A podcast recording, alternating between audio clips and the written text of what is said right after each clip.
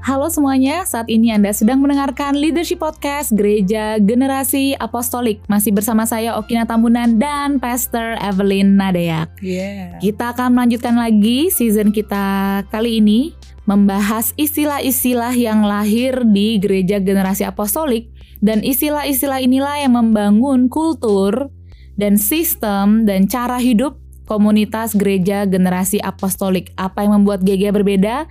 karena hal-hal yang akan kita diskusikan dari season kali ini. Ya. Nah, satu kultur yang juga pastoratif banget gitu ya. Ini adalah satu hal ini yang akan kita sampaikan. Saya ingat sekali awal-awal kita kalau melakukan apa pun lah, event, training, or whatever yang kita lakukan, Pastor If selalu bertanya feedback. Jadi saya mikir ini bahasa kasih keenam nih feedback nih. akan merasa dikasih kalau ada feedback. Tapi itu betul, karena saya pernah baca juga bahwa kehidupan yang dievaluasi itulah kehidupan yang bertumbuh. Jadi hmm. memang perlu ada evaluasi dan feedback itu adalah evaluasi dari sesuatu yang sudah berjalan. Hmm. Um, Sebenarnya feedback ini adalah awal mula dari um, istilah yang akan kita diskusikan Pastor yaitu share your learning. Hmm. Jadi evaluasi, feedback, share your learning, debrief. Ini kan istilah-istilah yang sudah normal di kalangan gereja kita. Hmm. Um, Pastor boleh share uh, waktu itu bagaimana Pastor akhirnya bisa membangun kultur feedback, share your learning, debrief di gereja kita selama lima tahun ini. Um, waktu itu uh, istilah ya, istilah yang kita gunakan adalah share your learning, glean for insight, and then catch the spirit. Those three things. Dan ini datang dari uh, filosofi bahwa kita adalah gereja yang uh, memuridkan, gereja yang mengembangkan calon-calon pemimpin. Saya mau bilang gini loh, it is not just a big words or jargon gitu ya, discipleship or leadership development it has to be integrated in the daily life of the church. Hmm. Yang kayak gini nih bukan cuma omong-omong gede gitu. Hmm. Oke, okay, show me that you are practicing it. Show me that you have some terminologies. Hmm. Tunjukkan praktek-prakteknya, tunjukkan terminologi, tunjukkan bahasa-bahasa baku yang digunakan dalam keseharian dan kehidupan bergereja. Bahwa betul terjadi pengembangan kepemimpinan, bahwa betul terjadi yang namanya pemuritan. Itu tuh apa? Yang ngikat itu apa gitu ya. Nah, salah satu prakteknya kalau betul terjadi pengembangan murid-murid atau pengembangan uh, kepemimpinan next gen leaders apa pun lah tuh istilahnya lagi keren-keren sekarang berarti perlu ada check and recheck untuk pembelajaran yang diserap dong. Hmm. How can you say that you are discipling atau kita memuridkan bahwa kemudian ada culture of learning terjadi dalam organisasi kita atau kehidupan kita bergereja kalau hal-hal ini tidak diperiksa? Hmm. Ya, yeah, you you are not monitoring it. Sama seperti di sekolah. How do we know that the student is learning?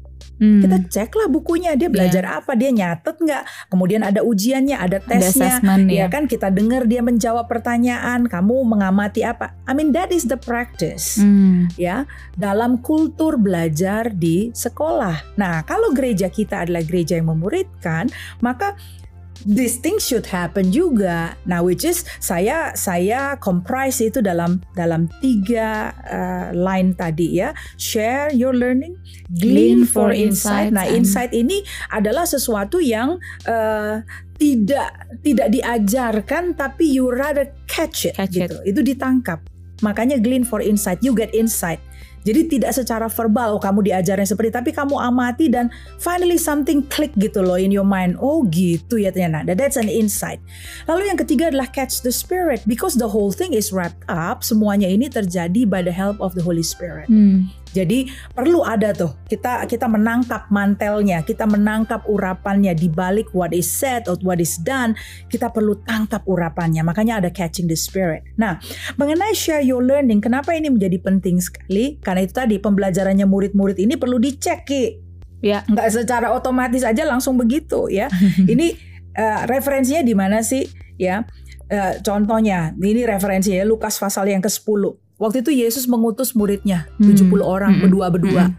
Ya, udah jelas tuh. Uh, lalu mereka di empower untuk melakukan kan they, they are learners mereka di empower nah sekarang mereka diutus pas balik Hmm.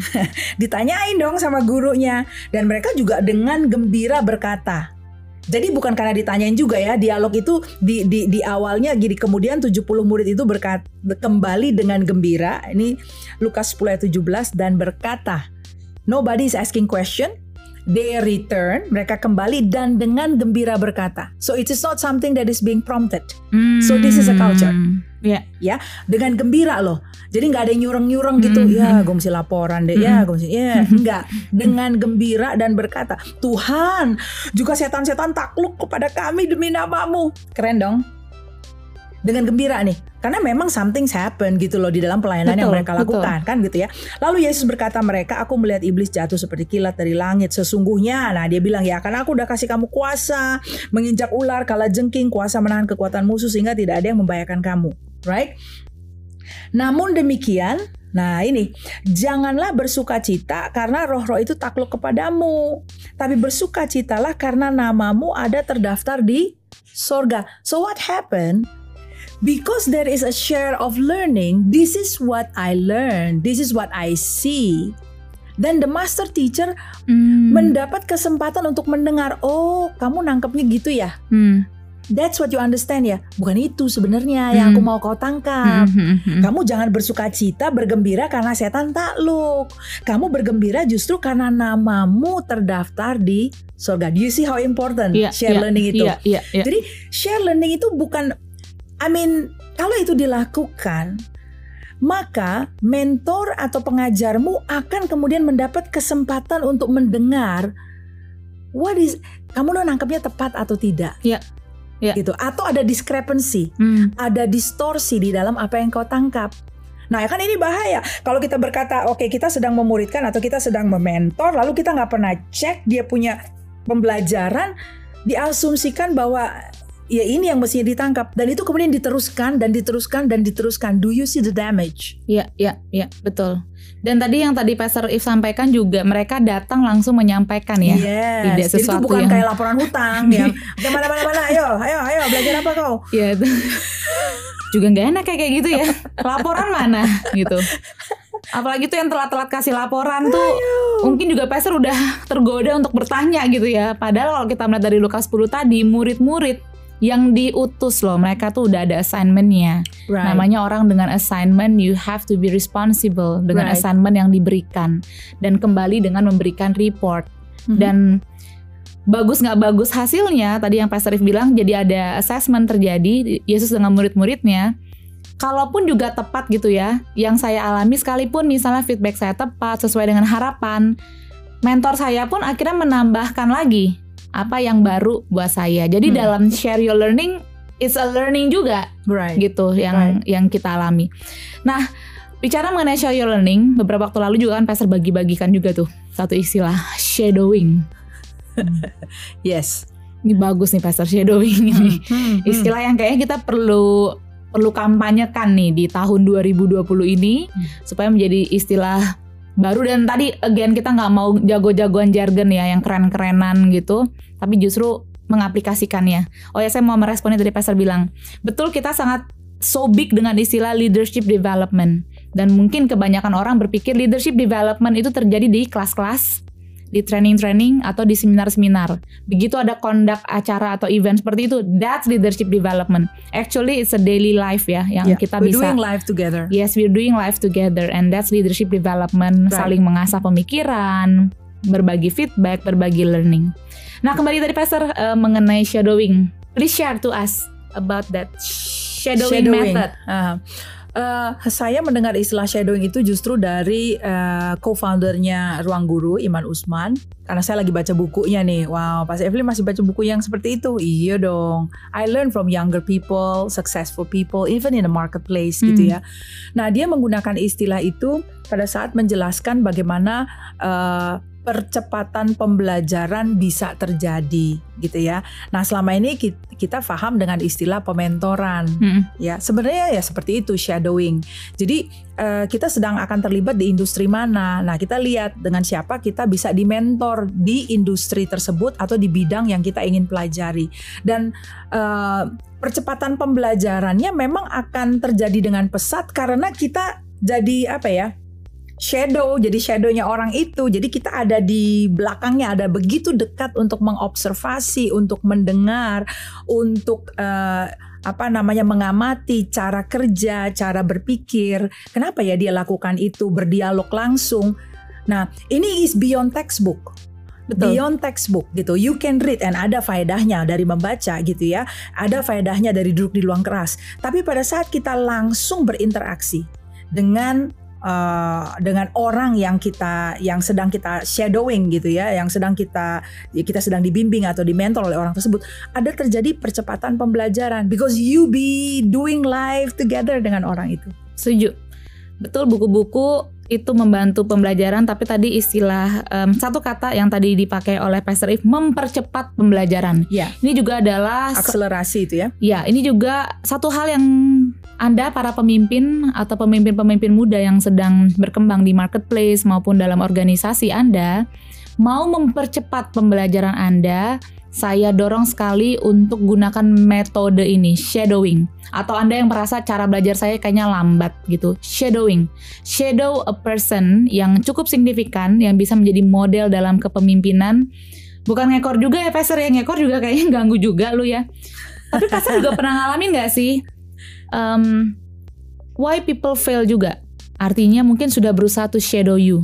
Mhm. But at the end of the day, ternyata fail to catch. Nah itu Juga. tadi kembali kepada apa yang kita bahas di minggu sebelumnya tuh Ki ya. Hmm, Share your learning, uh, glean for insight, and catch the catch spirit. the spirit. If you are shadowing me, you need to ask for clarity. Hmm, Cross check aja. This is what I learned today. Hmm. Nah, back to the feedback. Betul. Jadi hanya karena ngekor tapi tidak memberikan regular uh, share learning, this is what I catch, this is what I glean, ya aku nangkepnya gini, aku ngertinya begini. Itu bisa sekedar ada di situ secara fisik but not really catching Catching. the ya. meaning, the Ya. why of things are done that way gitu loh. Nah itu dia. Jadi Bisa jangan, fail. jangan sampai salah kaprah juga nih guys. Ya. Ngikutin gitu ya. Misalnya berada bareng sama Pastor If dalam satu kesempatan, but you fail untuk menangkap apa yang membuat let's say Pastor If menjadi Pastor If seperti, seperti sekarang atau menangkap seseorang pemimpin yang kita aspire to be Ya. dan tidak bisa menjadi seperti dia and you fail untuk nggak copy ya tapi menangkap esensi-esensi yang dimiliki oleh orang itu dalam kepemimpinannya ya mungkin yang ada yang kurang itu tadi elemennya Karena gini, kalau kita bicara kepemimpinan, a lot of things is philosophical. betul A lot of things is philosophical. A leader do not simply doing things hanya mela- melakukan sesuatu for the sake of uh, for the sake of things uh, get done gitu ya. Enggak enggak begitu. Hmm. When you are in the leadership position, banyak and almost all of the things that you do as a leader is philosophical. Hmm. Philosophical itu is the why behind the things gitu. Mm-mm, mm-mm. Nah, kadang-kadang ada orang yang shadowing yang uh, shadower muda-muda ini shadow uh, mereka bisa mengcopy tindakan but not necessarily Hmm. knowing the why Iya. gitu loh. Nah yang ini makanya perlu ada share learning, ada gleaning, you know, uh, ada ada dialog untuk tanya, cek and recheck untuk paham, nggak sekedar mengikuti tindakan yang dilakukan. Iya. Tidak hanya mengcopy paste, you need to have a clear why. tapi bisa juga loh Pastor share your learning tapi juga jadi kaku ya share your learningnya panjang banget udah tuh share your learningnya yang satu bulan lalu gitu misalnya yang Ya, baru telat. kejadian atau report juga telat masuk tapi share my learning Mm-mm. jadi juga nggak bisa apa ya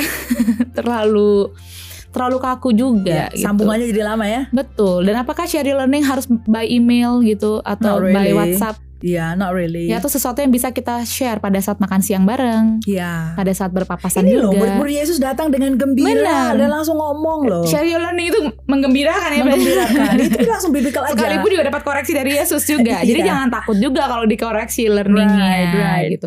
Oke, saya berharap ini bisa menggugah Anda para pembelajar yang sedang mendengarkan pada saat hari ini. Saya mendorong sekali di masa yang serba cepat, pembelajaran kita pun harus juga dipercepat.